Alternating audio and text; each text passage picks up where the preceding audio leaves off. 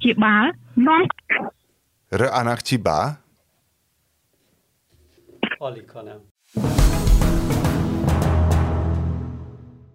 R Anakchiba. Hiába ez az élőadás varázsa. Ahogy Juhász előd mondta. Te Hát- Juhász előd él még vajon? Nem tudom, de szerintem Demeter Szilárdnál lenne számára egy státusz. Az biztos. Az ott elférne. Neki volt valamilyen ügynök, ugye, nem? Vagy, vagy, vagy hülye Juhász nézek? vagy, vagy most csak hírba hoztuk, és akkor ki kell vágni az egészet? Én csak nem a rettenetesen tudom, fos humorra emlékszem. Meg a fikuszra. Meg a nagyszerű Gálvölgyi paródiára, hogy ki, kivágta magát a fikuszból. De ő, ő már önmagában egy paródia volt.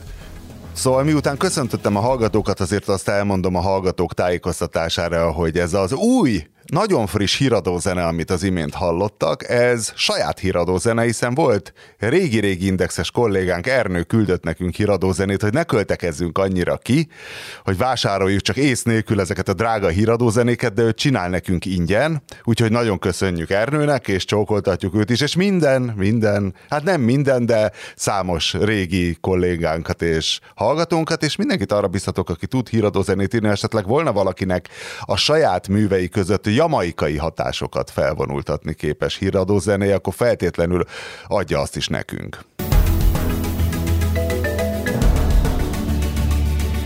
Szervusz Márton, hol vagy? Honnan posztoltad azt a képet a liftből, és mely városban van a Mekong deltában az a diadalív?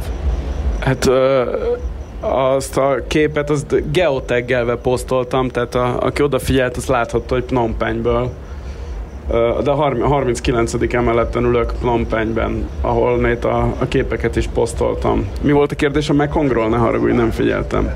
Nekem az alapján, a kép alapján, illetve az alapján, a diadalív alapján, nekem az egy kicsit szkopjés. Tehát ez a Grujevski fénykorában, amikor, amikor mint a budapesti, minek hívják ez a náci megszállási sírköves emlékmű, hogy ilyes fejte, fajta hatások, vagy ez csak egy optikai csalódás a 36. emlék? Ö, Ez nem jutott eszembe, de igazad van, az a, az a szelete ö, valóban kicsit szkopjés, de azért azokból a méretekből látszik, hogy azért ekkora, bár Skopjeban is van diadalív, de az nem ekkora, valamint nem egy Elizé nevű lakópark komplexum központi eleme, amit gondolom valami gazdag kínai épített ide, mint szinte mindent itt ezek az új építésű hatalmas házak közül a, a Mekong partján és szigetein. Lehet, hogy a kínaiaknak, meg a kambodzsaiaknak olyan egy másodvonalbeli francia építész, mint nekünk egy másodvonalbeli japán, aki idejön a rózsadombra, és rögtön valami, akkor izé épít, épített valami nagyon gazdag ember, valami nagyon japános, egyszerű vonalú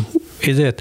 Mm, Ezt én inkább, én, én, én inkább ahhoz a, a kínai építészetnek ahhoz a vonalához soroltam, amelyik felépítette Kínában a hősök terét, meg a Hallstatti osztrák falut, meg még ki tudja még mi minden Hát ez a, Disney, a világból. Disneyland iskola. Úgyhogy ez a, ez a Las Vegas is Las, abszolút Las, Las Vegas, Las Vegas, és egyébként azért is találó a Las Vegas, mert a, már beszéltünk szerintem már, vagy négy adásban, hogy a, itt a, a kínai jelenlét, a, a hangsúlyossága az nagyban köthető ahhoz, hogy itt legális a szerencsejáték szemben a kínai jó hazával, ahol tűzzelvassal írtják, Makaót leszámítva. Úgyhogy annak, annak az oka, hogy itt olyan sok kínai van, az jelentős részben ahhoz kapcsolódik, hogy, hogy itt lehet szerencsejátékozni, szerencsejátszani. De nagyon, nagyon durva ez a környék. Én először 2008-ban voltam Phnom Penhben, és akkor szerintem itt nem nagyon volt tíz emeletnél magasabb épület. Most pedig ezt úgy kell elképzelni, hogy vagyunk, hogy ami lent van, az körülbelül olyan, mint a Jegenye utca, Budapesten, Kőbányán, tehát egy ilyen kínai étterem sor, de hát nyilván nagyobb, meg, meg több ilyen van, de körülötte már ilyen, ilyen 40-45 emeletes házak így vannak, felhőkarcolók, és, és az egész tehát teljesen kínai, sem angolul, sem khmerül nincs senki, semmi kiírva. Ebben a 45 emeletes épületben, amiben mi most vagyunk, én a liftben kambodzsai emberrel még csak olyannal találkoztam, aki valamilyen takarítónő vagy gondnok ruhában volt. Minden lakó kínai, lent mindenki kínai, minden kaja kínai, teljesen. Ez nagyon-nagyon-nagyon érdekes. Ugye Dél-Kelet-Ázsiában egyébként is ugye so- sok a, a kínai hatás, de azok, azok az én korábbi bevándorlási hullámok. Errefelé mindig jöttek kínaiak, vannak akik az ilyen a 16. századig visszavezetik a családfát, azért mindenféle a, ott Szingapur környékén, meg Maláziában ezek a, a, a melakkai szorosban ezek a kereskedő családok, akik már nagyon korán idejöttek. De az igazi nagy kínai kivándorlás az, a, az akkor volt, amikor Kínában a legrosszabb volt, tehát nagyjából abban a száz évben, ami a, az ópium háború a 19. század közepén és a, a kommunisták hatalomra jutása, 1949, a között, hogy Kínában nagyon rossz volt a éhínség, káosz és egyebek, és akkor nagyon sokan mentek ki, Ugye volt, aki Kaliforniába ment, de nagyon sokan jöttek ide Dél-Kelet-Ázsiába, és akkor alakultak ki ezek a, ezek a tök nagy kínai negyedek, amiket én nagyon-nagyon-nagyon bírok. Van az a jellegzetes, ez az egyik kedvenc ilyen épülettípusom, vagy nem is tudom, minek mondjam, a, a shop house, mint boltház, ami a a, egyszerre bolt és, és lakóház is, és ugye a, a, az utcáról látod a, a boltot, ami aztán persze estére már uh, étkező lesz, és, uh, és nappali, meg minden egybe és ennek van egy ilyen tök jó hangulata, ezek, ezeket sok felé lehet látni Dél-Kelet-Ázsiában, viszont az, ami itt van, amiben most benne vagyok Phnom Penhbe, az ez a, bár nem végeztem kutatást, hogy ki mikor hagyta el Shanghai-t, vagy Kantont, vagy ahonnét jönnek, de ezek ilyen nagyon újonnan ideérkezett arcnak, arcoknak tűnnek, és, és ez, a, tehát ez, ez nem az a csilles, a shop house előtt ücsörgős, vidám kínai, hanem a, ugyanaz a feszes, pattogós, amit a, az ember Kínába lát, és mindenki nagyon rohan, és mindenki nagyon dolgozik, és ráadásul ugye kapcsolódóan a szerencsejáték vonalhoz itt a, azért van egy, egy, egy réteg, nem mindenki, de egy jól látható rétege az itteni kínaiaknak, ilyen a Kínában megszokottnál köpcösebb, tetováltabb, tüsire nyírtabb hajú, ilyen izé, láncdohányos arc, aki ki, ki, tudja, mit csinál itt, de én nagyon... nagyon... Chinese gopnyik, rákérdezhetek? Nem, biztos ennek van valami neve a Kínában, ami nem a gopnyik, de igen, tehát hogy ők a, a jó, jó ég tudja. De nem, mert a gopnyik az ilyen, én most arra próbáltam célozni a magam, magam ezek szerint gyenge eszközeivel, tehát ezek nem ilyen, nem ilyen unatkozó prolik, hanem inkább ilyen, ilyen kispályás, ilyen izé, seftes, trükkös arcoknak tűnnek, de hát a fene tudja, nem, nem akarok ilyen... Nem akarsz rasszista megjegyzéseket tenni. Nylon gangsterek. Tehát majdnem minden nap látok egy, egy Rolls vagy egy Bentley-t Phnom Penhben, amit azért Budapesten nem lát az ember, pedig ez is egy két milliós város nagyjából, meg az is, de ma láttam konkrétan egy olyat, tehát tényleg az már a paródiája volt mindenki, hogy volt egy ilyen iszonyatosan mocskos utcasarok, ahol mindenki kihorta a szemet, és így bekanyarodott egy, egy ferrari ott egy kínai gyakorlatilag a szeméttelepről ki, vagy oda be, ez nagyon, nagyon, nagyon tetszett. Ez az egyik legjobb dolog, amit eddig láttam Dél-Kelet-Ázsiában, egy szeméttelepen kanyarodó kínai ferrari -val. És ők tartják életben végül is az európai luxusipart, akárhogy is szépítjük. Igen, nézem a liftben ezeket a ruhákat, és sose tudom eldönteni, hogy a, ez a Gucci pizsama, ez kamu vagy nem kamu, de szerintem itt jelentő. Tehát akinek bentley van, annak gondolom a Gucci pizsamája is igazi, úgyhogy... De hát nem te írtad a cikket a pizsamáról, hogy Kínában mennyire komilfó pizsamában lemenni a, egy köztérre tájcsizni? Vagy ez valaki más volt? Nem, e- erről nem, erről nem írtam a cikket, de ez, ez nem csak Kínában, hanem dél is megfigyelem, és főleg ilyen hotelekben, hogy az egész család a svéd asztalhoz levonul pizsamában, és voltam egy, egyszer egy véletlenül egy kicsit jobb hotelben, ahol ki volt írva, hogy a reggelizőbe pizsamába belépni tilos. Na jó, de ezek a te barátaid, hiszen te nyomod nagyon lelkesen a Mackó alsóban egész nap mindenhol, amit egyébként én is támogatok.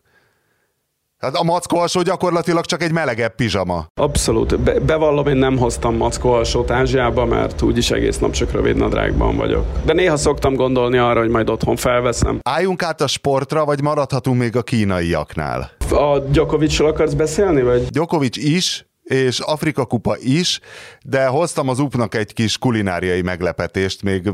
Én is hoztam neked. Tényleg? Jaj, de izgi lesz. Na, de Márton, mondd meg te. Hogy a kmereknek mi a véleményük Novák Gyokovicsról és az oltás ellenességről, tovább, hogy nézik-e az Afrika kupát. Én azt hiszem, hogy a, nincs véleményük, és nem nézik az Afrika kupát. Egyébként szerintem az nagy hiba, hogyha nincs véleményük, mert szerintem ez a tökéletes hír, ez az egész Gyokovics ügy. Tehát végre nem az a nyomasztó járvány, nem az, hogy az Ukrajnát lerohanják az oroszok, hanem tulajdonképpen egy teljességgel jelentéktelen ügy, amiben mindenki állást foglalhat. Én na- nagyon szeretem az ilyen témákat. Jó, de hát ez egy gyönyörű elvi kérdés. Szerintem a Viktor, Or- Orbán Viktor megbolondul, hogy itt nem foglalhat állást, hiszen az annyira kézre esne neki, hogy bántanak egy kicsit, hogy megint az arrogáns nagyhatalmak packáznak Ráadásul egy kis egy nemzeten. szerbet, akik a legnagyobb barátaink Óriás barátaink, de sajnos ez az illető bántott, bántalmazott szerb, sajnos egy oltás ellenes, pedig, pedig minden szempontból nagyon ez, ez az övé lenne ez a meccs.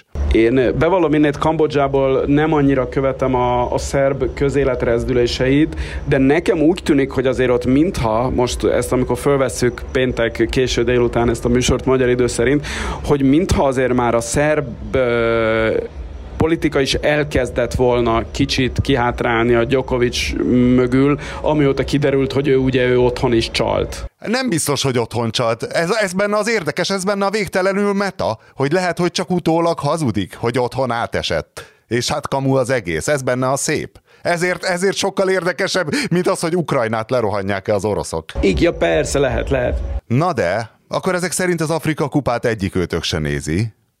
Nem utolsó sorban, mert Magyarországon nincs tévé, aki közvetítse. Én nagyon ajánlom. Egyfelől, mert hát rengeteg divatos, világhírű eszéista van, aki a különböző elméleteit ugye megosztja a, a világról, Hararitól, Acemoglunát, ez a Niall Fergusonig mindenki. Az az érdekes, én, én nézem valamennyire egy háttér tévé, hát nem háttér tévéként, háttér streamként, hiszen Magyarországon tévé nem közvetíti, és hogy emlékszem, a 90-es években még a Magyar Narancs szerkesztőségében néztük az Afrika kupát lelkesen, Egyfelől voltak olyan hangok már valamelyik VB-n is, amikor nem tudom, Gíne, aki az Isten nyila nyújtott négy közé a VB-n, hogy hát Afrika, Afrika lesz a következő nagy felemelkedő sportföld, futballföldrész. Ki jutott a négy közé? Kamerun, nem tudom. Nem, nem, nem afrikai nem csapat, afrikai csapat még nem jutott négy Akkor közé. nyolc közé. És a négy közé jutásért játszott. Azzal kevered össze, amikor 1990-ben csak hosszabbítással verték ki az angolok uh, Kamerunt, a negyed döntőben. Azzal, ez az, azzal keverem. Ugye, akkor azzal. volt a csodálatos Roger Milla volt volt a sztár,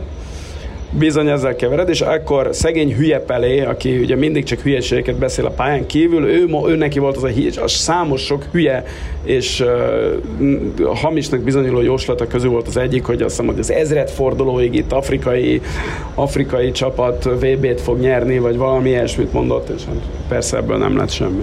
Akkor ez csak a szegény hülye Pelé gondolta. Pedig Milla apó akkor már 40 éves volt, mint emlékszünk. Milyen nemzetiségű volt Roger Milla? Hát mi? Hát, ne, hát mint hogy kamer, arról a kameruni ja, vállalatotról beszélünk. Ah. Jézusom, Jézusom. Na jó, Bede, és neked megvolt, hogy az Afrika kupán minden válogatottnak van egy beceneve? Igen, persze. Tudom, tudom, tudom, tudom. A németek a National Elf, nem? Nem, mindegy, mindegyik, mind, meg a Sbornaja, igen, tehát ez más kontinenseken is előfordul, de valóban ö, a, abban igazad van a Winklernek, hogy, Dél-Afri, hogy Afrikában a, a legjobbak a becenevek, hogy a sasok, a nigériaiak, meg a nem tudom sajnos A Máli, Máli válogatott a sasok. De tudom, hogy nagyon jók Ö, vannak. Nigéria az a szuper sasok. Márton, te azzal kevered! De hülye vagy, de hülye vagy! Hogy, hogy lehetsz ilyen amatőr, hozzá nem értő? És hogy érdekes, ha végignézi az ember, hogy Egyiptom rögtön egy kulturális kisajátítással indít, hiszen ők a fáraók. Van a kartágói, ja még egy sasok vannak, ugye Tunézia a kartágói sasok, Algéria a sivatagi rókák, mint fennek, és akkor itt már jönnek a, a még Hát pedig az, hát azért Rommel perelhetne, már ne haragudj, Rommel perelhetné őket, a valamelyik Rommel örökös, uh, a sivatagi Burkina Faso, a csődörök, Kamerun, van több oroszlán és több sas van. Kamerun a szerindíthetetlen oroszlánok. Igen, zöldfoki szigetek, igen, na igen. de tessék, most legyen nagy a szád. Ki, ki, hogy hívják a zöldfoki szigetek? Nem, ők a kék nem cápák. tudom. Ö, aztán van egy olyan, hogy egyenlítői Guinea, ez a Nzalang National, tehát a nemzeti villám. Etiópia az a Valias, ez a valami abeszin kőszáli kecske, de ezt biztos, hogy tudtad. Nem mond tovább, a ruandai, a ruandai válogatott a cockroaches, nem?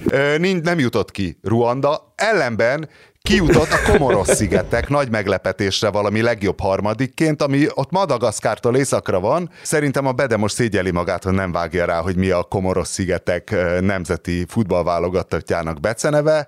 Nem, de magyarul, Komor, nem, de magyarul Komoros-szigeteknek hívják viszont az országot szerintem. Oh angolul Komoros, hát de én magyarul még magyarul sosem mondtam ezt a sziget. De egyébként ezek az állatnevek, Na, ezek más, po- más, más sportban is, más sportban is léteznek. Az összes, vagy nem az összes, de le, sok nemzeti rögbi csapatnak van ö, ilyen állatneve. A, a ausztrálok az a Wallabies, a ö, dél-afrikaiak az a Springboks, az argentinok a Pumas, van, szóval ez, ez, ez létezik, és hát ugye nem, most nem menjünk, nem menjünk bele a hülye amerikai profi nevekbe.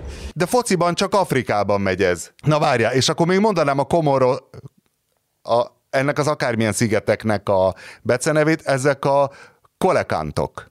Ők a kolekántok, ami egy bojtosúszós hal. Tudom, mi a... Bojtosúszós hal, amit... Tényleg ez a nevük? Jaj, de jó. Tényleg, tényleg ez a nevük, mert 60 millió évvel ezelőtt kihaltnak, hitték. Majd egyszerre csak találtak bojtosúszós halat, és kiderült, hogy a, hogy ott a kelet-afrikai vizekben, vagy hát a indiai óceán nyugati részén ez még él, valami száz, pár száz méter mélységben egy ilyen nagy dög, nagy méretű, tehát ilyen méteres hal, bojtos úszos halak. Egy receptkönyvet gyorsan ki kéne adnunk rá. Minden tudok a bojtosúszó halakról, még azt is, hogy azóta, ezet a 20. század elején találták meg őket ott, azóta viszont egy másik populációjukat is felfedezték, azt hiszem Szulavézinél, valahol Indonéziában, abban egészen biztos vagyok. Na jó, de mi a, mi a beceneve a bissau válogatottnak? Nem tudom. Ők a dzsurtuk, a vadkutyák. Mauritánia, nem tudom, ezt a Csingeti, Kingeti, milyen oroszlánok? Szintén valami oroszlánok, szemben Szenegállal, akik a Teranga oroszlányai. És még megint szemben Marokkóval, akik viszont az Atlasz oroszlányai. Durva, durva négyes döntő. Viszont arra jól emlékszem, hogy jól emlékszem, hogy Gána egyszerűen a fekete csillagok? Jól emlékszem, Márton, gyönyörű mentés volt. Gyönyörű mentés volt, mester. És a Dél-Afrika pedig a Bafana, Bafana. De nincs kint Dél-Afrika. Szudán pedig a Jediane solymok. Nincs kint Dél-Afrika? Hát ennyi. Ennyi dióhéjban, de mindenkinek ajánlom, egy kicsit nézzen bele, mert egyszerűen annyira érdekes, hogy ott ragadt ez az egész világ a 90-es évek elején, hogy teljes káosz. Ilyen, nagyon, ilyen nagyon laza mozgással adogatnak. Nagyon laza mozgással adogatnak, kungfurugással szerelnek, derékmagasságban, pörgőrugás, a, a kaput nem mindig találják el, és ha, ha gól van, ami egyébként nagyon ritka, tehát nagyon alacsony eddig a gólszám, akkor mindenki beszáll a táncba. Ezek vannak, a bíró lefújja a 46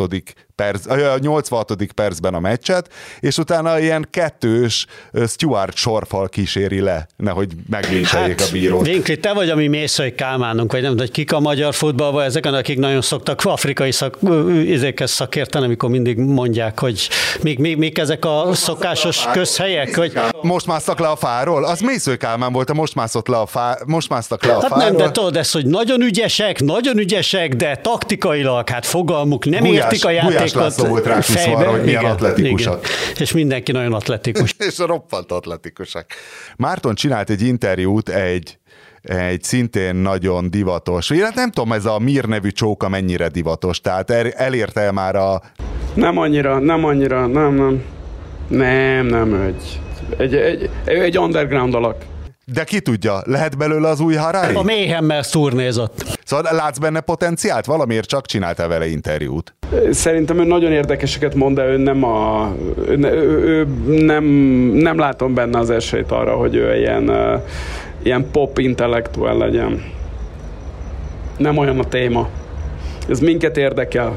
Köz azok kedvéért, akik nem olvasták, mert nem előfizetők, úgyhogy gyorsan fizessenek elő, de azért dióhéjban, ha jól mondom, a, a zsurnalizmus halála, tehát erről szól nagyjából a könyv legalábbis az interjú alapján, hogy milyen pályát írt le az újságírás Gutenbergtől napjainkig, és azt hiszem, hogy 2030-ra prognosztizálja a szerző, hogy eltűnik a az újságírás abban a formájában, amit ma még esetleg ismerhetünk és aztán akkor jutott eszembe, amikor a 444 közért Facebook csoportban valaki valamit kérdezett, és erre te írtál oda egy, egy kérdést, amire nem válaszolt. Ez a kiváló Mir nevű szerző, hogy, hogy maradtak-e benned lépcsőházi gondolatok az interjú után? Mm, hát a, ugye ez egy tehát ez a le, nagyon kényelmetlen formája volt az interjú készítésnek. Azt mondta, hogy, tehát, hogy az írásba ment, és azért nyilván maradtak, tehát voltak kérdések, amiket elküldtem, és amikre egyszerűen nem válaszolt, de mindegy, már így, így is elég hosszú volt a dolog. Hát figyelj, én szerintem, tehát szerintem nő neki nagyon-nagyon sok dologban nagyon-nagyon-nagyon igaza van. Egy, én, én egy helyen láttam egy logikai megbicsaklást, hogy Szóval, hogy, hogy, ezek, hogy ő is ír arról, hogy a, már úgy is tudja mindenki a híreket, meg izé, meg bekapcsolod a Facebookot, és, és ott vannak, és hogy ezeket azért valakinek meg kell termelnie, tehát az, hogy a, nem tudom, mit lopott Gyurcsány Ferenc, vagy mi történt tegnap Irakban, vagy a Djokovicnak a vízuma hogy áll, tehát ezeket valakinek meg kell a, ezeket a, a hírt termelnie, és ezt, tehát hogy ugye van, tudom, hogy mennek már erről elég jó és előre haladott kísérletezések arról, hogy ez hogy lehet majd nagyon jól automatizálni, de, de nem vagyok én abban biztos, hogy teljesen a, ez a fajta hírügynökségi munka, ez, ez, ez megszűnne. Abban biztos igaza van a, a többiben, amit ír, a aktivizmusizálódásról, a, a fizető olvasók által gyakorolt nyomáson át a már most nem is teszem, hogy melyiket mond még, pedig elég sokat foglalkoztam ezzel, de tehát ő, ő nagyon jól lát dolgokat. Nyilván az, hogy gúnyosan kicsi, Igaza van, igaza van, de neked is igazad volt, Márton, amikor egy, egy ilyen visszakérdésbe, hát amennyire egy e-mailbe ezt meg lehet tenni, te azért próbáltál arra utáni, hogy eddig az újságírás azért eddig is arról szólt részben, hogy ezeket a hatásokat és nyomásokat maguk az újságírók valahogy kimozogják, hogy kimozogták a, a reklám, a, a, a reklámos üzleti modellben is, és ki fogják mozogni szerintem részben már az, aki bírja, meg attól függ, hogy hogy milyen, milyen anyagi kondícióban van a cég persze, de hogy, hogy erre te is utaltál egyik kérdésbe, és szerintem, szerintem ez, itt a, ez, ez itt a valós megfejtés. Tehát, hogy egyébként a csávó, amiket mond, én tíz éve ugyanezeket mondtam egyszer egy konferencián, halára is sértődtek rajta többen. Tehát, Na, hogy, konkrétan Mondd azt a három tézist, amint Hát ezt, hogy, a, hogy a, az, hogy, a, hogy ugye volt egy olyan mondás, akkor azok, akik, akik elkezdtek abba az irányba menni, hogy hát alapítványi pénzekből, meg ilyen-olyan adományokból finanszírozzák a működésüket a reklám helyett, ugye mondták, hogy hát a, a reklám az mennyire korrumpálta a médiát, és valamelyik konferencia egyszer kifejtettem, hogy nem, a reklám az pont, hogy egy olyan bőséges és, és, és nagyon divers bevételi bevételi forrása volt a médiának, amiben az újságok nagyon jól tudtak mozogni, és, és nagyon erősek voltak anyagilag, ami leginkább garantálta a függetlenségüket, és hogy ezek az alapítványi működési modellek, ezek sokkal kiszolgáltatottabbak. Ezt fejtegeti az ember is. Tök jók, meg vannak olyan alapítványok, akik tényleg nem, nem állnak elő semmiféle érdemi, tartalmi követelése. Persze akkor is van egy ilyen igazodás egymáshoz, mindig meg vannak interakciók, de azért ebben is vannak óriási különbségek.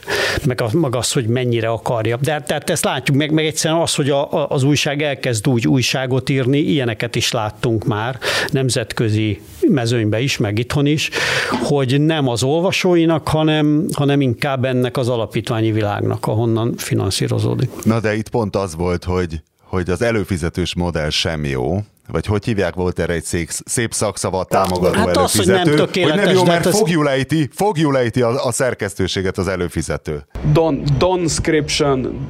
Hát ez, de ez, ez látszik, egy csomó ilyen ügy volt, ugye a Smernek az esete annak idején Szlovákiában, most a New York Times, Washington Post esete is ezt mutatja, hogy van benne egy ilyen veszély. Ez persze nem kell szó szerint érteni, vagy, vagy nem kell azt gondolni, hogy ettől az előfizetési modell rossz, vagy ettől nem működik, hanem vannak ilyen veszélyei, és hogy ez a dolog nincs lezárva. De hát 90 óta ez megy.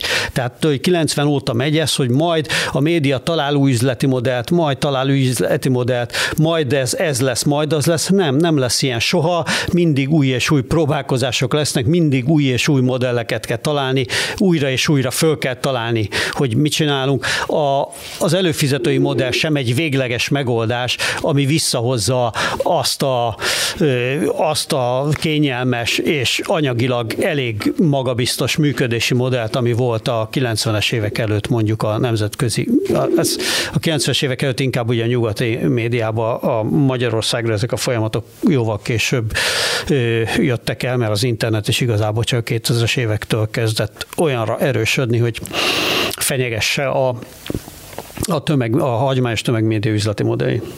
Jaj, de bonyolult tíz évbe mentünk bele.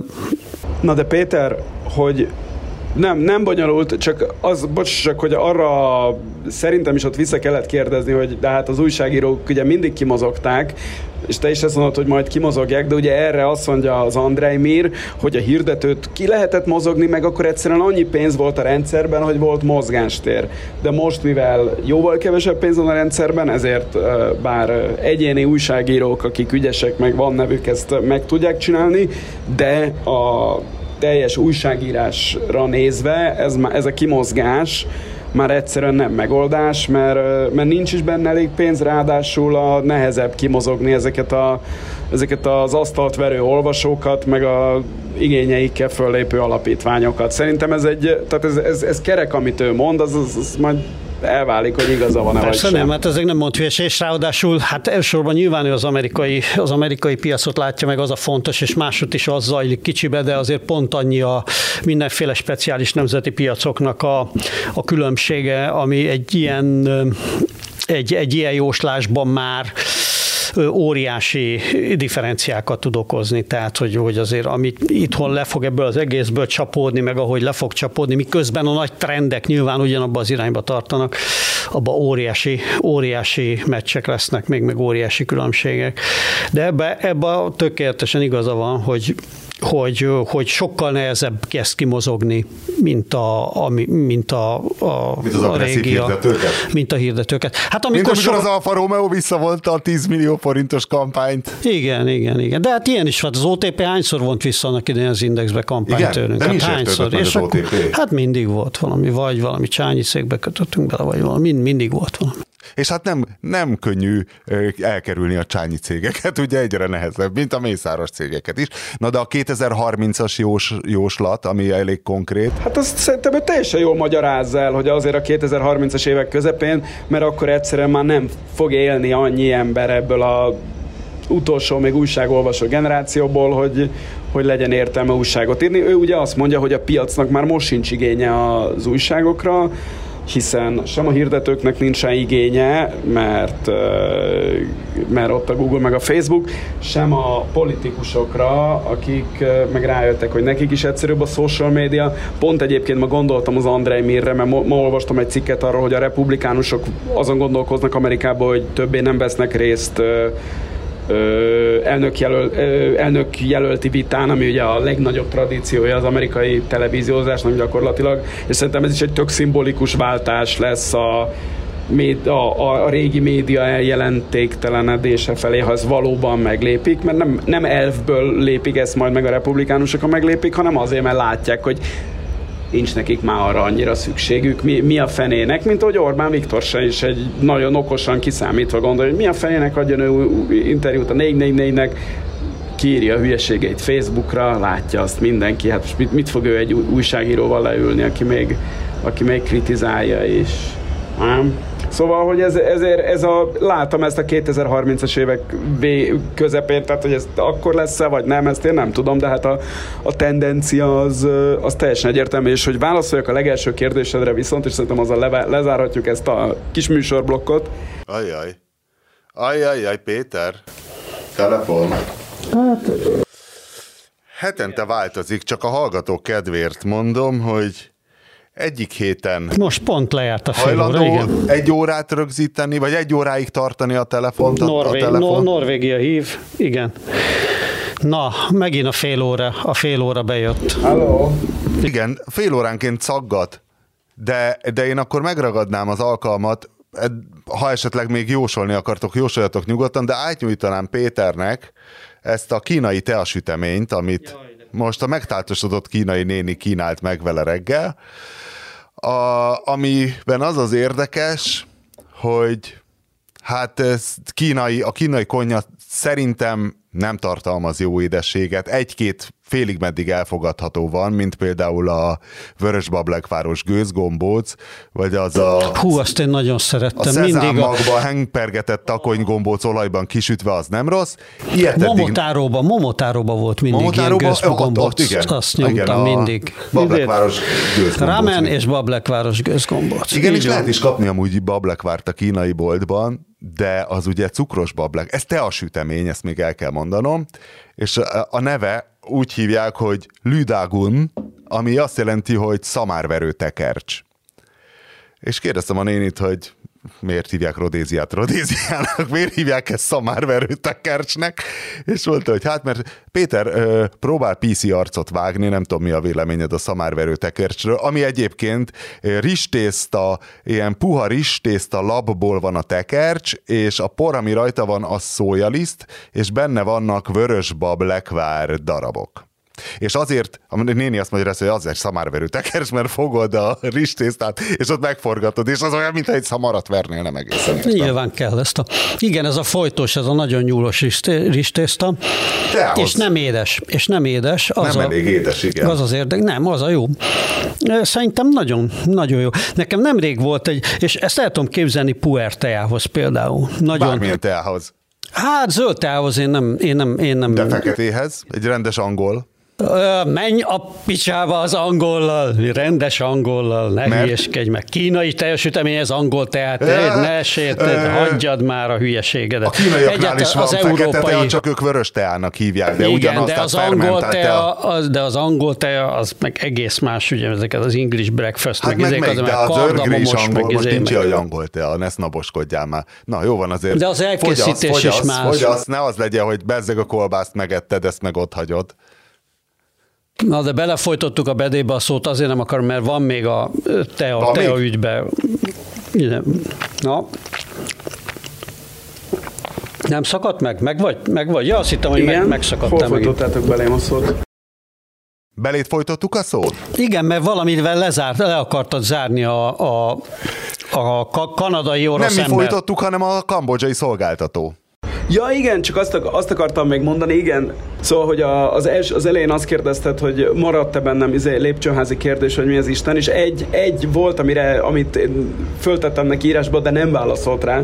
Az pedig az az volt, hogy ugye, hogy ugye mint mindannyian tudjuk, akik dolgoztunk már szerkesztőségben, senki nincs olyan rossz véleményről, az, véleménnyel az újságírásról és az újságírókról, meg az újságokról, mint a maguk az újságírók, és hogy az ő újságíró múltja hogy látja, mennyire játszik bele ebbe, de sajnos erre nem válaszolt. ez jó. Ez milyen jó lett volna ez zárásként. Egy disclaimerként. Igen, az, az újságírásnak megvan az a katasztrofája, hogy ugye önkritikus, nagyon erősen önkritikus műfaj, hiszen ugye általában magát az újságírás a saját szakmát is ugyanúgy kell, hogy vizsgáld, hogy minden mást vizsgálsz. És... Egyébként az autószerelő is egy önkritikus műfaj, hiszen az Na autószerelő jó, az, az autószerelő... egy autót, hosszasan szidja a többi autószerelőt, hogy mit a gánymelót végeztek. Igen, de az autószerelő tevékenységéhez alapvetően nem tartozik hozzá a többi autószerelő minősítése. Az újságíró... De az nem, újságíró nem ez a lényeg, bár ó, milyen gányolás, ó, a paraszt kinyomta szilóval. csinálja, de az, de az, az hobbi csak az nem, izé, nem a tevékenységének a lényeg. Nekem az a kedvencem a újság, újságírás kritizálás ügyében, hogy ugye most, hogy ugye mindenki hitét vesztette a médiába, és mindenhol dől már néhány éve, hogy ugye ezekben nem lehet bízni, meg bla bla bla bla, bla. és ezen az újságírók nagyon meglepődtek, hogy ez lett, miközben az újságírók az utóbbi évtizedeket azzal töltötték, hogy egymásnak megjegyzéseket tettek a többi lapnál dolgozó ö, emberre, és arról beszélgettek egymás, hogy melyik lapnak nem lehet hinni, vagy jó, még annak a lapnak esetleg, de nézzük csak ki a szerző ja, az a kretén, akkor biztos, hogy kamu. És ugye az, amit az újságírók évtizedeken át beszéltek maguk között, az hirtelen közkincsé vált. Én nem értettem, az UP pedig zavája rá, rákapott a rákapott a Lüdágunra, a, a szamárverő tekercsre. Hm. Na, Péter, csak hogy, csak hogy szívassalak, hiszen nehéz lenyelni ezt a szamárverő tekercset, azt mondtad, hogy neked a e, NER szívének kedves borászatokról lenne hozzáfűzni valód, illetve hogy szeretnél egy kisebb nekrológot mondani a nagylaposi birkacsárdáról, amelyik a, a hét nagy megszűnő. Ja, olyan nagy, nagy ezért nem, olyan nagy nekrológot nem akartam mondani. A, a nerborászatokról meg sajnos nem készültem, mert ott aztán rájöttem, hogy tulajdonképpen nagyon alaposan föl kéne készülni belőle, mert borászatban szerintem már annyi van, tehát annyiban vannak benne, csak Tokajban így fejből hármat, négyet tudok.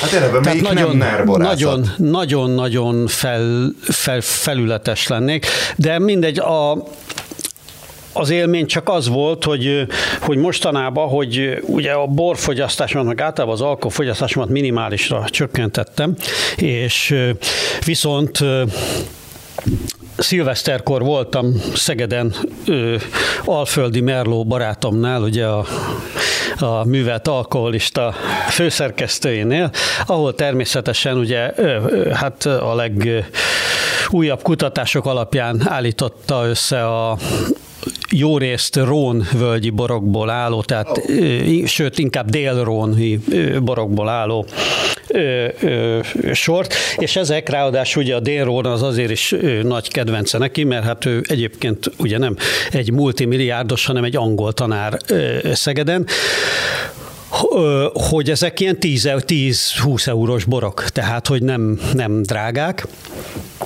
és hát egészek, ugye jellemzően ezek ilyen siráz, gamély, nem tudom én mik voltak, még talán így, így fajtára, egy-két ilyen, mindegy, ezek a tipikus romvölgyi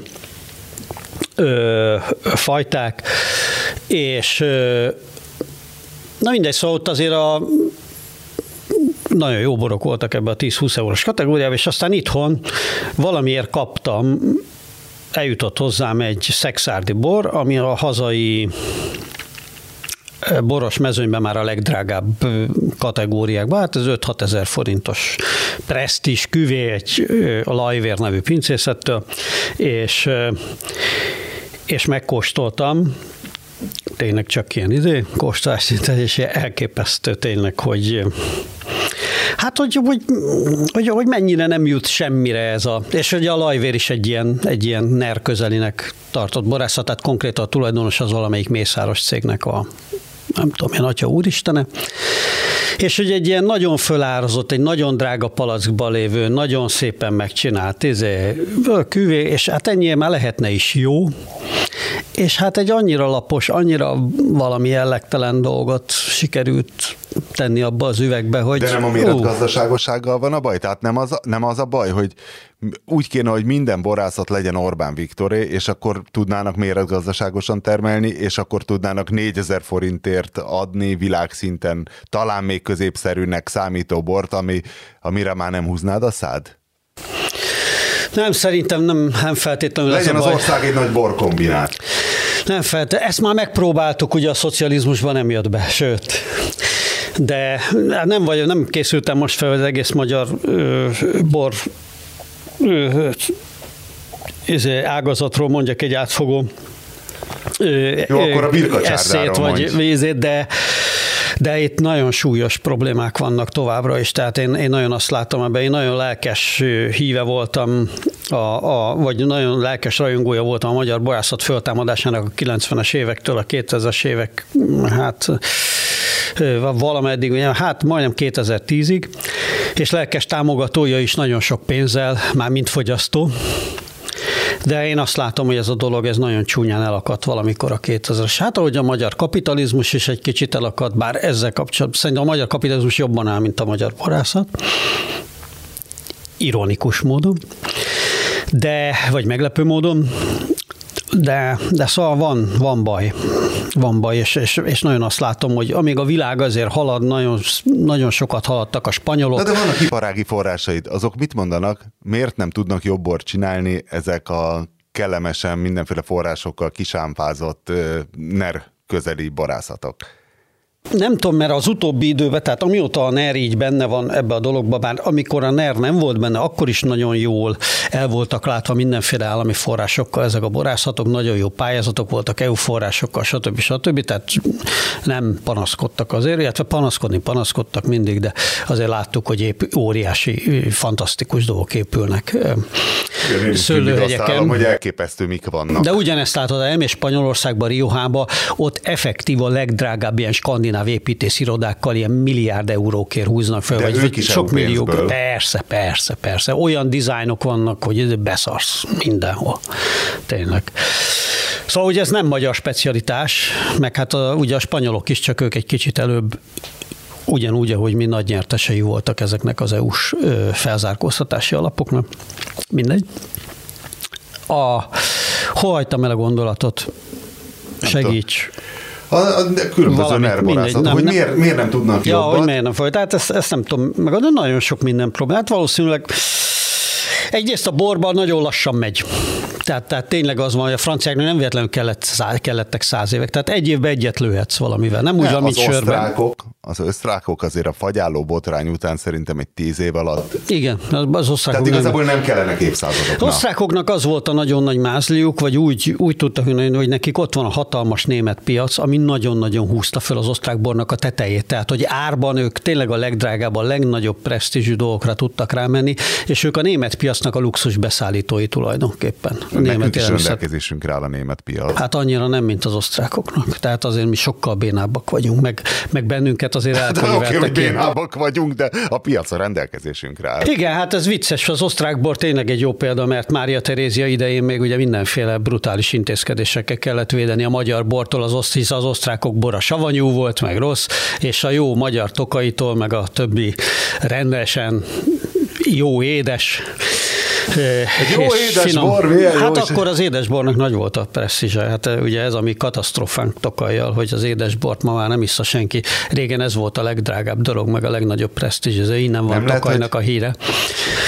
Nem lehet, hogy... Mert hogy... minden, amíg nem volt finomított cukor, ugye addig minden, ami édes, az, az nagyon értékes volt, meg, meg hogy sokáig elállt. Ugye, hogy ezek a magas cukortartalmú italok, ezek, ezek évekig meg hordóba lehetett szállítani, ugye, amíg a amíg a sima bor az hamar, hamar megsavanyodott, a tokai meg nem. Mert az, az nem, is egy nem nagy oxidálódik, ha cukros, vagy mi? Igen, megáll benne, az, az tartósít a cukor nagyon erősen. Magas alkohol, magas cukor, az mind tartósít. Na, de tettél valami megjegyzést, lehet, hogy a, a hírlevébe a birka pörköltel kapcsolatban, hogy ez egy mennyire fontos, nem tudom mi, de van, kéne tudni valamit, tudnunk valamit a birka pörköltről, mint olyanról? És a Bándi, és ez a Bándi csárda, amit én ilyen legenderének hallottam, mint Birka Pörkölt, az valójában nincs fent a magyar Birka Pörkölt térképen. Hol van? Uh, hát Tihany felé valahol ott Balaton Hát felé. édesapám, édesapám, Igen, na, na? hát a Tiszától nyugatra birka pörköltet meg soha ember nem főzött. Ne hülyéskedjél ja. már. Hát az nem birka pörkölt öreg, az hát valami ragu. Medence, tudod, mennyi az valami, ugyan már, ugyan már. Birka pörkölt a Tiszától nyugatra, Aha. az nincsen. Az nincsen. Az nem, az csak valami izé ragu. Az, az valami az birka valami. Izé ragu. Igen, igen. Ja, értem. Á, na, ezt nem tudtam, hogy ilyen terroár fasizmus van a birkapörkötnél is. Hát figyelj, a karcagiak szerint, a karcagiak szerint már... nyugatra A karcagiak szerint már, mezőtúr, már mezőtúron sincs birkapörkölt, a szolnokiak szerint már abonynál szűnik meg a birkapörkölt, tudod, de hát ez van, van ilyen. A birkapörkölt olyan, mint egy bármilyen pörkölt, csak birkafagyú íze van, nem ilyen birkaízű. Nem, egész Én nem más. egészen értem, hogy az hogy lehet ezt így misztifikálni. Technikailag is egész más. Hát az olyan, tehát a birka pörkölt az egy olyan misztérium, mint a halászlé, pontos, mint az eredeti halászlé. Tehát egyrészt egy nagyon egyszerű népi étel, másrészt nagyon-nagyon nehéz, sokkal nehezebb, mint a halászlét elkészíteni, és például csak egész birkából lehet úgy, hogy minden részét felhasználod a birkának. Tehát csak egész, csak az a... Kell bele gyapjút is rakni. Így van. Ekker Józsi, amikor birkát főztünk, mindig azt mondtam, amikor egyetlen egy vágás, nem ő tett a birkán, hogy az már csak vendéglátós, az már csak vendéglátós pörkölt. Tehát, hogyha nem, hát az a birka pörkölt, a te vágod le a birkát, te aprítod, és minden része benne van. Az a birka bél? pörkölt. Tessék? A bél? Nem, belsőség, belsőségek is vannak benne, bél az nincs benne. De hogy nagyjából minden felhasználható része a birkának benne van. Az a az a birkapörk. Hát ez egy ilyen, kevés olyan étel van Magyarországon, ami tényleg megmaradt egy ilyen arhaikus változatában, és biztosak lehetünk benne, hogy valami köze tényleg van azokhoz az ételekhez, amik több száz évvel ezelőtt készültek. A birkapörköt az egyik ilyen, és Karcak környékén tényleg ezt nagyon komolyan, ezt nagyon komolyan is veszik, és kurva jó, és, és nem igaz az, hogy olyan, mint a többi pörköt, nagyjából ott van értelme. Vannak helyek, a... amiért vállalod a felelősséget, amit most mondasz, vagy majd hazafelé kigondolod és berakjuk a leírásba, hogy... Nincs, nincs ilyen hely. Ja, hogy nem tudsz nem is helyet volt. mondani, ahol te nem. jót állsz azért a birka pörköltél? Figyelj, ez olyan, mint Csak a... az a jó, amit az Ekker Józsival főztök? Így van, így van. Hát Há. ez ugyanaz, mint a Bajánál, hogy minden háznál főztek halászlevet, és, és akkor hova, tehát miért, föl sem merült, hogy vendéglátóhelyen ö, rendes birkát. Másrészt meg rendes birkapörköltet kizárólag ünnepekkor főztek, hiszen az egész birkát meg kellett enni, ugye? Tehát nálunk is, még Szolnokon is minden ilyen nagyobb sátoros ünnep ünnepkor, ugye birkapörköt volt, az volt a pörköltek csúcsa. És és, és akkor tényleg az van, hogy összegyűlik a család apra nagyja, és akkor birkapörkölt főzés van, és meg kell enni 30 kg húst az, az úgy működik, tehát az nem, az nem úgy, Ez hogy bemész a, vendég, bemész a vendéglőbe, és van. De egyébként a nagylaposi birkacsárdába, ami most bezárt, és fölvezetted, ja, aha, aha. ott egész jó birkapörkölt volt, és ott saját, a nagylaposi birkacsárnak eleve az volt a koncepció, hogy agrármérnökök nyitották, ilyen fiatal agrármérnökök, akik ilyen háztáiba, hát ma, ma háztály ugye egy kommunista kifejezés, szocialista kifejezés, de szóval ugye ház körül volt egy kis farmjuk ott, ahol sok állatot tartottak, kacsákat, birkákat, mit tudom, ilyen nagyobb, ilyen bivajszerű valami ilyen szarvas állatra, és emlékszem, nyilván szarvasmarát is ezt azt, és azokból készítettek kajákat. És néhány néhány ételük tényleg kurva jó volt, és ott a francba gyomaendrőd, és nem tudom a gyomaendrőd határában volt, tehát kiesett minden fontos. Hát, hát ezek a legrurálisabb környékek Magyarországon, tehát szegény Békés megy, az annyira le van szakadva még a többi ő, ő környékbeli környékbeli területtől is, hogy ott tényleg elég reménytelen egy éttermet üzemeltetni, még, még csak olyan főút sem ment, bár azt hiszem, hogy a, a Gyomaendrődről, az merre megy, azt, nem, nem tudom, akarok ilyeséget mondani, hogy merre megy, az a 40 valahányas út, ah, 47-es, nem, nem, lehet, hogy most keverem, hogy mindegy, mindegy. Most biztos hülyeséget mondok. Igen, Szóval, hogy ott, ott, ott világ csodájára üzemelt egy ilyen hely, ahol tök, tök értelmes dolgokat csináltak. De akkor nyugodjék békében. Túros csúsza is nagyon jó volt. Na oda elmehetnél, mert a múltkor képes voltál nekem azt mondani, hogy Lidlbe, hogy a Lidlbe ehető túró van, és na oda el kellett volna menned egyszer, izé rendes túros tenni, mert ott például ehető túró volt a túros csúszám, amit a Lidlbe kapsz, az nem ehető túró, csak mondom. Márton? Egyszer voltam, tényleg tök jó volt. De hát ugye pont azért zárnak be, hogyha mennyire követ, pont amennyire, amennyire követem az eseményeket, mert rájöttek, hogy inkább a gazdasággal foglalkoznak, és már nincs erre energiájuk. Igen, hogy a szülők, hogy a szülők már nem tudják csinálni a gazdaságot, és akkor ők veszik át, igen.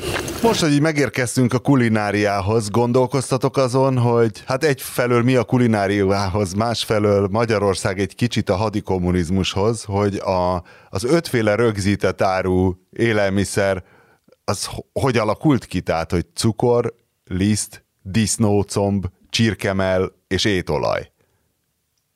Hogy ebben mi a, mi a logika? Disznócomb, csirkemell. Ez mi, ez, ez, ebben valami titkos üzenet van, de mi? Hát szerintem egyébként nagyon egyszerű, ez az a két húsfél, amit a legtöbben vesznek.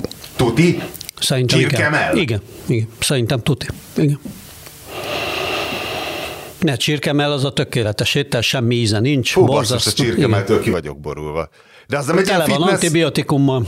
Ja, De az, az. Egy, azt, nem, ne, azt nem csak a, az ilyen gyúrós csávok, tudod, a csirker is.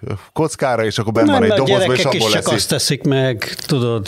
Szóval van ez. Vagy hát, hogy a gyerekek akkor eszik meg, hogyha rászoktatják őket persze.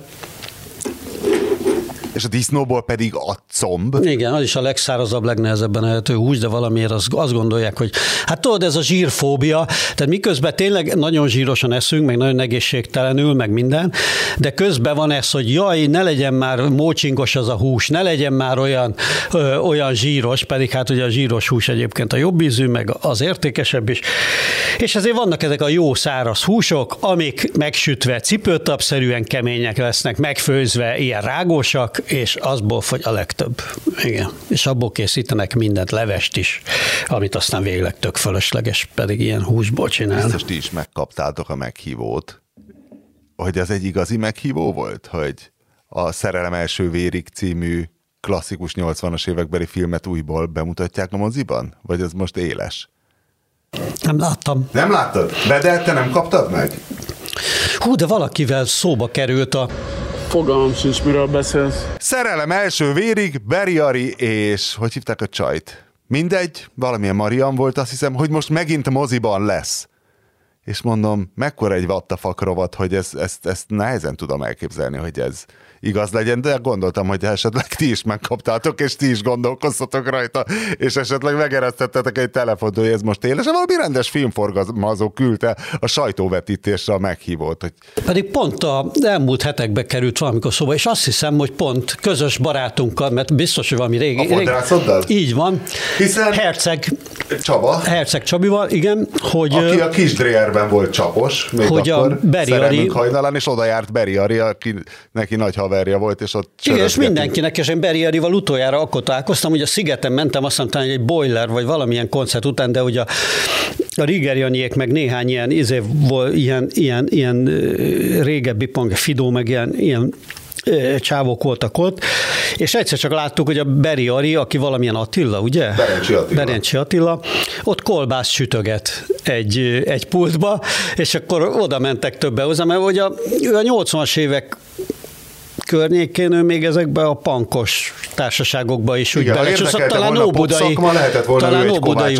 Csak őt annyira ez nem érdekelte, vagy Igen, igen, igen, igen. És egy ő ilyen nagyon rokon szenves, egy ilyen nagyon rokon szenves gyerek egyébként, Igen. és, és őrületes sztár volt. Hát megvoltak akkor Tényleg. őrülve ezért a, ezért a filmért, és, és azt mondta, hogy ő ezt...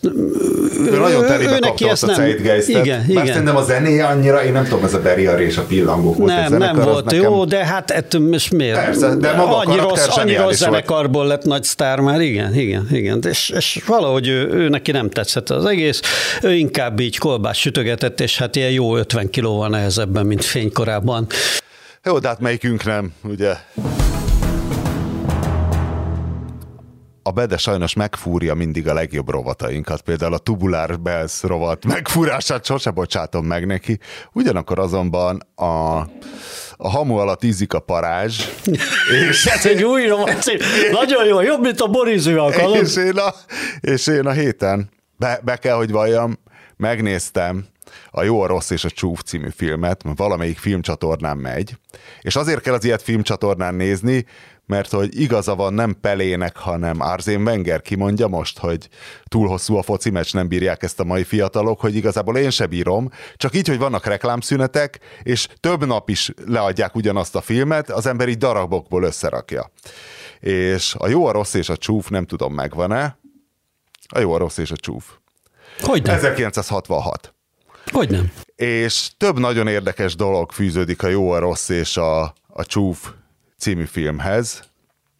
Többek között, hogy Hát én szerintem beszéltem is arról a spanyol dokumentumfilmről, amit megnéztem a, a hogy Netflixen. helyreállították a temetőt? Igen, igen, igen. Hogy, Hogy a Spanyolországban a, a, a Spanyolországban a híres temetői Mexican standoffnak a, a helyszínét azt, azt ott ilyen nagy ünnepség keretében ott helyreállították, turista látványosság, sírtak az mindenki- emberek. mindenki üdvözlő videót csinált, Eastwood és, is. És fantasztikus kis dokumentumfilm egyébként, a, miben a mai spanyol társadalom, illetve a filmrajongói kultúra mély rétegei derülnek. És rengeteg érdekesség van a filmmel kapcsolatban, olyan apró hülyeségek, mint hogy ott szerezte Eastwood azt a poncsóját, ami még a nem tudom hány filmben szerepelt, és meg is tartotta mosás nélkül azt a poncsót, és most valahol Los Angeles, nem tudom melyik részében van egy haveri elkérte tőle egy mexikói étterembe dekorációnak, és most ott van az Eastwood poncsója, de nem is az a lényeg, hanem hogy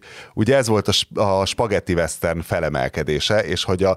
Péter, de ne rakd el azt a tányért, van még kettő ebből a szamárverős süteményből a gondolat. Így kaptam a nénitől ilyen szép rózsaszín ikeás légmentesíthető. Hazaviszem a gyereknek, mert ő nagyon Ugye? szereti ezeket a, a, ezt a, Hát ez a mocsi-mocsinak is ilyen tésztája van, tudod. Igen, ez hát a, ez a, igen. enyhén taknyos rizstészta, azt meghempergeted, és gazdagon szórod ilyen barnás De várjál, hogyha már itt vagyunk, én is hoztam neked valamit. Jaj, de jó. Ho- Hojicsa?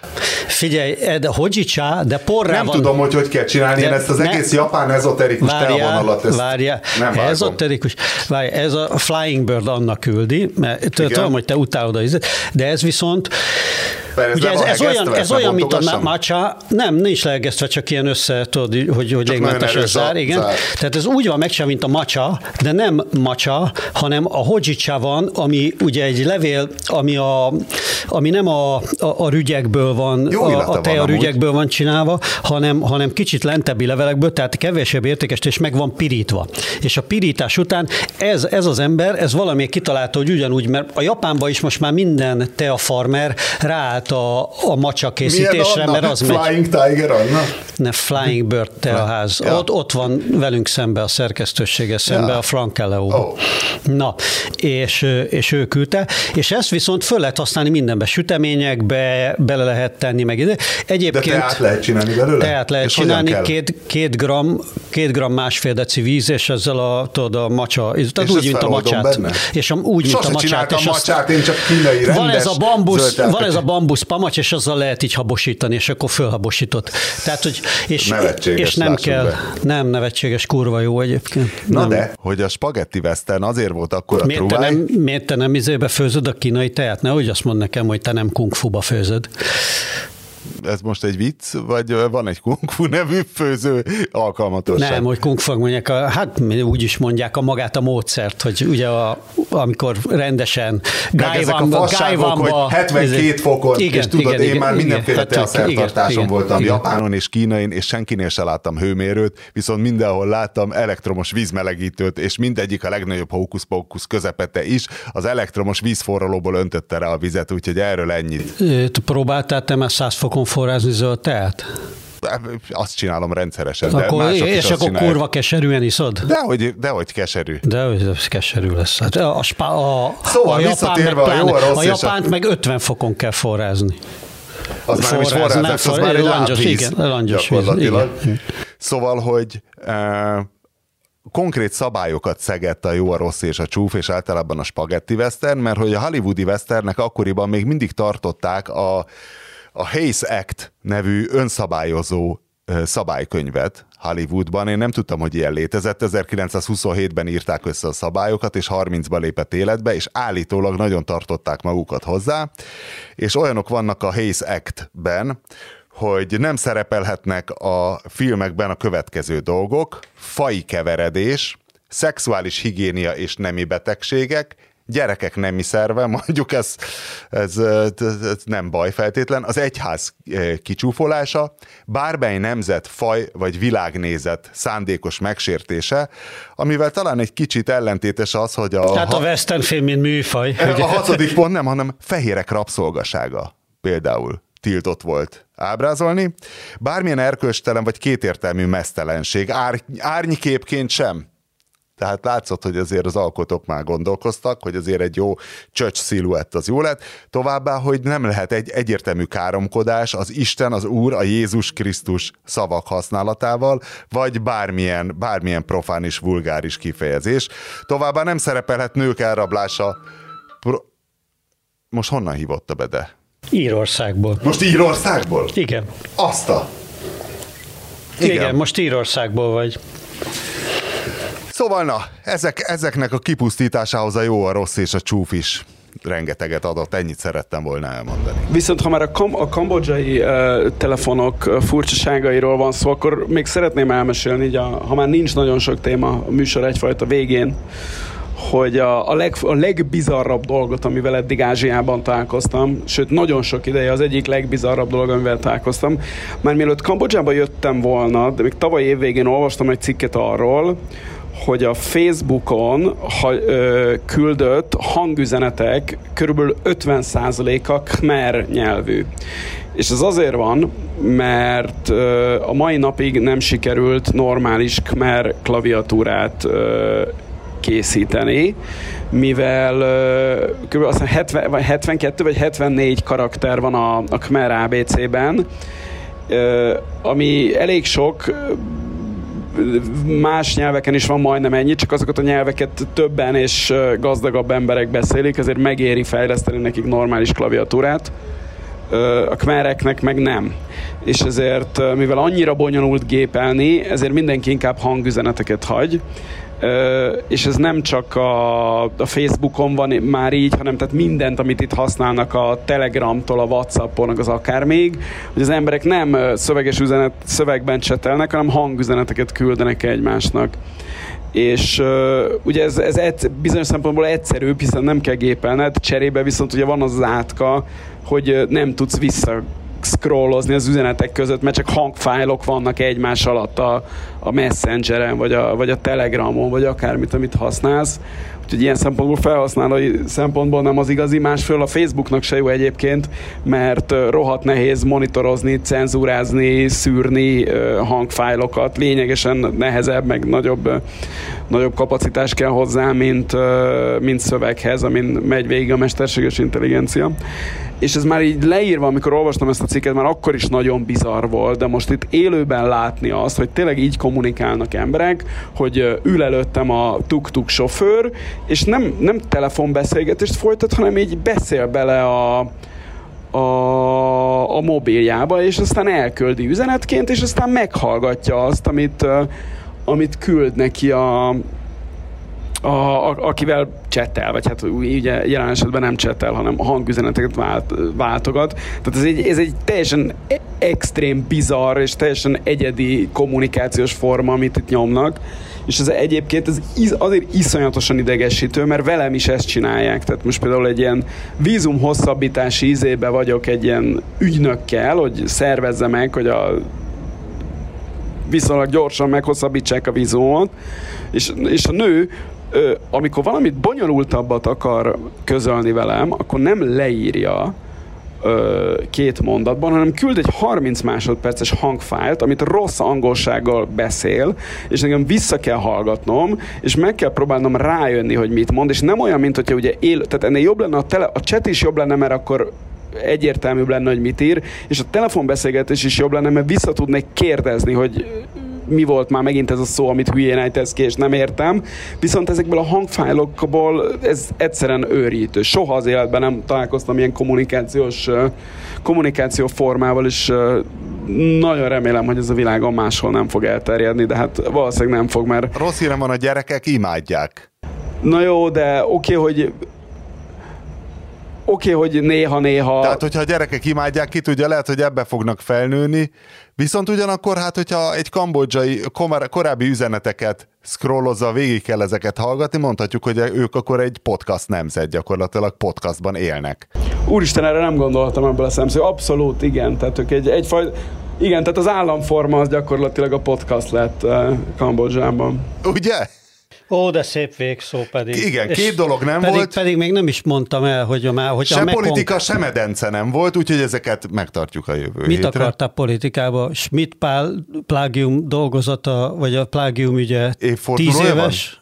Vagy uh, valami, hát akkor ezeket megtartjuk jövő hétre meg a, Mert a bedénél meg a már Igen, igen. Pedig még a Mekong, még, még a Mekong parton nekem meg eszembe jutottam, ugye nem Kambodzsa, hanem Vietnám maga, ugye eh, nem tudom miért került a szemem elé a Twitteren egy Tom Holland nevű történésznek egy posztja, hogy eh, amiben kirakta, hogy május 22-én egy francia magazinban megjelent egy cikk, amelyik keményen ő kritizálta a, a francia sajtónak a, a túlzottan angol nyelvűsödését, és a franglé, tehát ez a...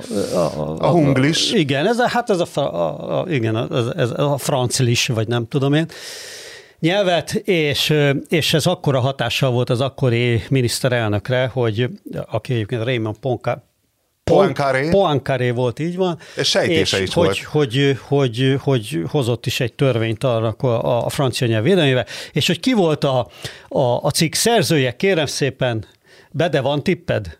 1922 Párizs, ki volt a cikk, a francia nyelv védelmébe írt cikk szerzője? Adolf Hitler. Nem.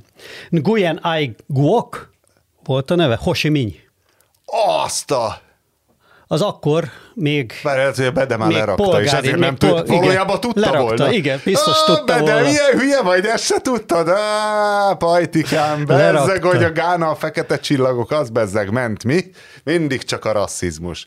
Na jó, hát köszönjük. De emiatt nem tudtam rendesen kiejteni Hosimint, mert már az eredeti polgári nevét, mert nekem ebből nem. Azt a Bede biztos tudta volna, szintén hát a, fejből. Az álnevét se tudtad rendesen, mert a, a szem Ho Chi Minh, vagy valami. Mind, valami ugyan így, így, na. De magyarul.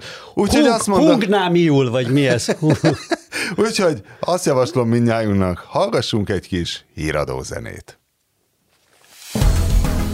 Ezek a Bede, nem?